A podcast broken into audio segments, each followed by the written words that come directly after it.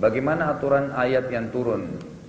Mengapa ayat-ayat dari surah yang sama turunnya tidak berurutan? Itu hikmah dari Allah Subhanahu wa taala.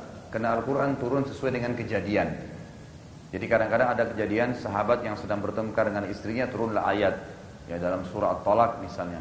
Ada pertanyaan dari orang-orang Yahudi tentang Ashabul Kahfi. Turunlah ayat tentang Ashabul Kahfi. Turun begitu. Nabi SAW tadi kasuistiknya sedang merasa gemetar selama 40 hari nggak bisa bangun. Turunlah surah Muddathir dan Muzammil. Nabi SAW merasa pada saat 6 bulan terputus wahyu sedih. Gitu kan? Turunlah surah Duha menghibur beliau. Terus seperti itu. Nanti juga kita temukan surah Al-Kafirun pada saat orang-orang kafir Quraisy mengatakan sembahlah Tuhan kami sehari Muhammad, kami sembah Tuhanmu juga sehari. Sampai Nabi SAW ditawarkan karena Nabi nolak terus, ya Muhammad sembahlah Tuhan kami sehari, kami Tuhan, sembah Tuhanmu seumur hidup. Nabi SAW tolak, turunlah kuliah ayuhal kafirun dan seterusnya. Jadi memang sesuai dengan kasuistik.